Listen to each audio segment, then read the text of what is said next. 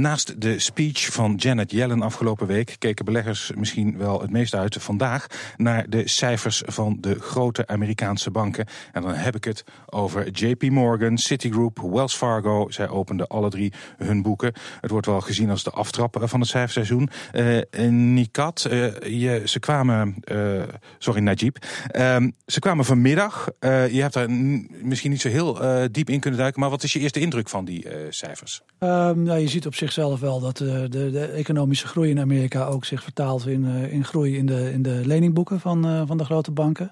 Het is wel zo dat de verdiensten die zij halen uit zeg maar, de, de handel, bijvoorbeeld van aandelen en, en obligaties, die lopen wat terug. Het is wat, wat rustig op de markt. Dus uh, in zijn algemeenheid uh, redelijk in lijn met de verwachtingen. Het is wel zo dat de koersen wat teruggelopen zijn, geloof ik. Um, dat heeft ook te maken met het feit dat die koersen van die banken in Amerika behoorlijk zijn vooruitgelopen op de agenda van Donald Trump. Ja. En daar is op, nou, tot op heden eigenlijk helemaal niets van terechtgekomen. Dus de vraag is, hoe lang blijft dat zo? Ja. Um, uh, heb jij er nog een blik op kunnen werpen op die cijfers? Ja, ze, wat in ieder geval opviel was dat ze allemaal beter waren dan verwacht. En uh, dat heeft ongetwijfeld ook te maken met de hogere rente, waardoor de banken toch een wat hogere spread kunnen maken. En goed voor het verdienmodel van banken. Ja. Nou, om half drie kwamen die inflatiecijfers die wat, wat negatief waren. Ja, dat zet dan weer een stukje druk op de rente en daarmee ja. ook op de koersen. Ja, um, ja wat mij opvalt is inderdaad, jij zei het al, Najib, aan de ene kant. Um, die handelsactiviteiten, aandelen, obligaties, ja, het is wat rustiger geworden uh, de afgelopen periode op die beurs misschien. Uh, die lenenactiviteiten, die zijn wel goed. Aan de andere kant denk ik van ja, er is een enorme schuldenberg in de wereld. In Amerika wordt dus blijkbaar veel geleend. Ik, vorige week las ik ook dat het merendeel van de Amerikanen ook leningen afsluit om te gaan reizen. Um, zit er ook niet een gevaar? Zitten we niet op een nieuwe bubbel met die leningen? Um, nou, ik denk verder van, eerlijk gezegd. Ja? Uh, het is wel zo dat in Amerika na de crisis is er uh, behoorlijk uh, in de schulden gesneden. Mm -hmm. ook, ook bij de particulieren. Um, waar je wel wat problemen ziet in de leningenmarkt zijn de studentenleningen en de mhm. autoleningen. Daar mhm. in de autoleningen is het met name uh, hard gegaan. Mm. Maar dat is relatief klein in vergelijking met wat we tien jaar geleden hebben meegemaakt. Mm. Dus ja. ik denk dat het eerlijk gezegd wel meevalt. Er zijn wel wat hogere uh, afschrijvingen te verwachten, zeker vanuit de, vanuit de autosector. Ja. Um, maar dat is, ja, dat is op zich geen solvabiliteitsprobleem voor de, voor de, voor de banken. Ja. En uh, ja, de andere kant dus uh, de, de handelsactiviteiten, loegen, aandelen, obligaties, het ging een stuk minder. Uh, iets waar jij je zorgen om maakt, zeg je van nou, nee, het is tijdelijk. Ja, ik denk dat wel. We, we hebben hele lage volatiliteit op de beurzen gezien. Ja. maar ja, voornaamste punt is, de, de verwachtingen waren uh, al uh, met winstgroei. En mm. die zijn nog eens een keer verslagen. Ja. Ja, het is wel zo dat JP Morgan, um, die, verwachten, die hadden hun verwachting voor de rentemarge voor, het, voor de rest van het jaar verlaagd. Dus die waren daar wel wat voorzichtiger over. Dat werd ook wel gezien als een van de redenen waarom het wat lauw werd ontvangen, de, de bankcijfers. Maar ja, goed. De, de, er waren best wel wat verhogingen gepland uh, aan het begin van het jaar. Ja, uh, er is er nu nog eentje over. En uh, ja, de markt twijfelt misschien ook, omdat die inflatie toch iedere keer onder druk blijft staan, twijfelt de markt misschien wel of die renteverhoging echt wel door gaat komen. Ja. ja. ik zag inderdaad dat de kans op die derde renteverhoging, die aan het begin van het jaar de, wel de verwachting was, dat die inmiddels minder dan uh, 50% is. Ja. En dat, dat zie je dus terug in de verwachtingen van de rentemarges van de banken. Ja, nou ja, uh, inderdaad. Uh, we hebben het, uh, in feite zijn we aanbeland bij Janet Yellen inderdaad. Daar werd ook naar uitgekeken, haar speech voor het congres.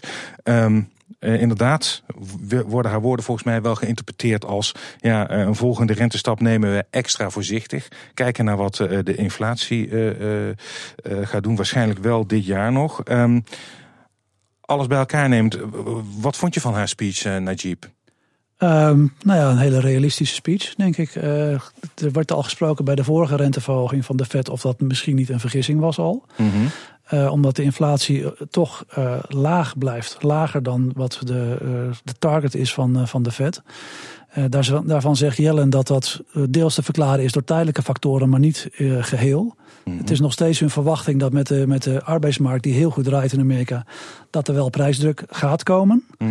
Maar ze zien het nog niet voldoende. En dat gaf toch wel aanleiding voor de markt om te denken van nou, die derde renteverhoging, we vragen ons wel af of die nog gaat komen. Mhm. En als die al komt, is het misschien december pas. Ja.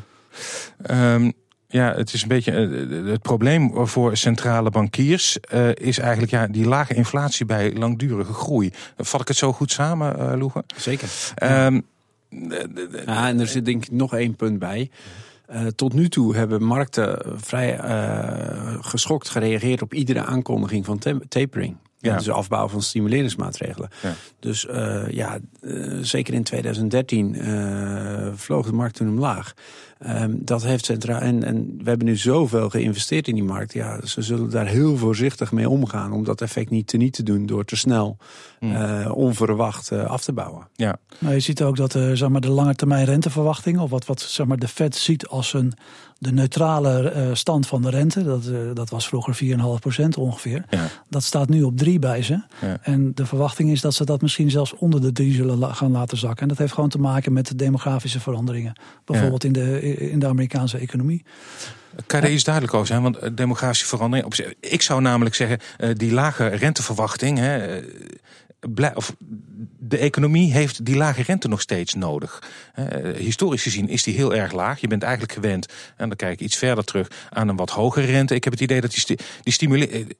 Zowel de Amerikaanse als de Europese economie heeft zo lang die steun nodig van de centrale banken. Dat vind ik wel zorgelijk. Of maak ik me ten onrechte zorgen? Um, nou ja, dat heeft denk ik uh, een historische reden. We komen natuurlijk uit die grote financiële crisis van 2008, 2009. En een van de lessen van de crisis van 1929 uh, is geweest dat je als Fed niet te snel de rente moet verhogen. Ja. Integendeel, want als dat te lang te laag blijft en je wat te veel inflatie krijgt, daar hebben we het recept voor klaar liggen. Ja. Uh, maar als je te snel de rente verhoogt, en wat in de jaren 30 gebeurd is van de vorige eeuw, dan duwt de economie uh, geheid weer een recessie in. Ja, misschien in aanvulling, hè, want uh, je zei over, die, over die lagere neutrale rente. Ja. in principe is de rente een vergoeding voor het inflatiecijfer. Mm -hmm. nou, en we komen uit een periode waar je toch wat hogere inflatiecijfers had. In de jaren 80 was het enorm hoog en, en naarmate de tijd verstreek werd dat wat lager. Mm. Maar de ja, de, de economie groeit gewoon, of de, de demografische ontwikkelingen leiden ertoe dat de bevolking minder hard groeit. Hmm. En dat zet een druk op de inflatie. Als die inflatie laag is, dan is het neutrale rentepercentage ook lager. Ja, uh, Najib, je had het net even ook over, uh, haalde je Trump aan, er moet, er moet uh, wat gebeuren. Jamie Dimon, de topman van JP Morgan uh, was vandaag uh, uitgesproken fel in de conference call uh, over de, op de toelichting van zijn cijfers. Hij zegt: I'm almost embarrassed to be an American traveling abroad. En hij nou, had het zelfs over stupid shit, zei hij, om zijn frustratie te uiten over het gebrek aan beleid van Trump. Kan jij daar iets bij voorstellen? Ja, de Jamie Dimon zit te wachten op hervormingen in, eh, in Amerika van, eh, van de belasting, uh, belastingen, van de investeringen, de infrastructuur. Allemaal dingen die hij in het buitenland wel ziet gebeuren, maar waar in Amerika weinig van terecht komt. Hij zegt zelfs dat bijvoorbeeld dat er de afgelopen tien jaar in Amerika geen vliegveld gebouwd is, om hmm. maar eens wat te noemen. Ja. die infrastructuur in Amerika, dat was ook een van de uh, pijlers van, uh, van Trumps economische programma. Mm. En dat was ook een van de redenen dat de rente zo opgelopen is. Omdat men dacht van uh, de, de overheid gaat lenen en gaat investeren in de economie met hogere rentes tot gevolg. Nou ja, dat is echt volledig naar de achtergrond verdwenen door alle, alle ruis rondom de, de, de verkiezingsoverwinning van, van meneer Trump en, ja. de Russische invloed daarop. Ja. Um, kortom, uh, eigenlijk uh, zal de, dit is dus eigenlijk meer een scenario waarbij we blijven voortmodderen, Loegen. Wat denk jij? Uh, nou ja, misschien wel economisch voortmodderen. Hmm. Hoewel, of voortmodderen, hè. Uh, er is groei en het gaat helemaal niet zo slecht. Ja. Uh, maar een, een klimaat van gematigde groei en lage rente is voor beleggers helemaal niet zo slecht. Nee, dat zou eigenlijk mijn volgende vraag zijn. Wat, moet je nu, wat is nu je positie als belegger in dit klimaat? Nou ja, volgens mij, als het bedrijfsleven goed presteert, de economische groei blijft gematigd en de rente blijft laag, ja, dan kunnen aandelenkoersen verder omhoog. Zie jij dat ook zo, uh, Najib? Ja, op zichzelf ben ik het er helemaal met Loege eens. Alleen ik vind de waardering in de markt, uh, als ik daar naar kijk, dan vind ik de, de markt niet meer ondergewaardeerd. Dus Nee. dan, dan moet er die groei uit die aandelenkoersen moet dan echt verder komen uit winstgroei en omzetgroei eh, bij de bedrijven. En dat is natuurlijk wel lastig bij, in ieder geval die omzetgroei is wel lastig bij zo'n lage economische groei van ongeveer anderhalf à 2 procent. In het Westen, maar in, het, eh, in, in Azië zien we natuurlijk wel hogere, hogere groeipercentages.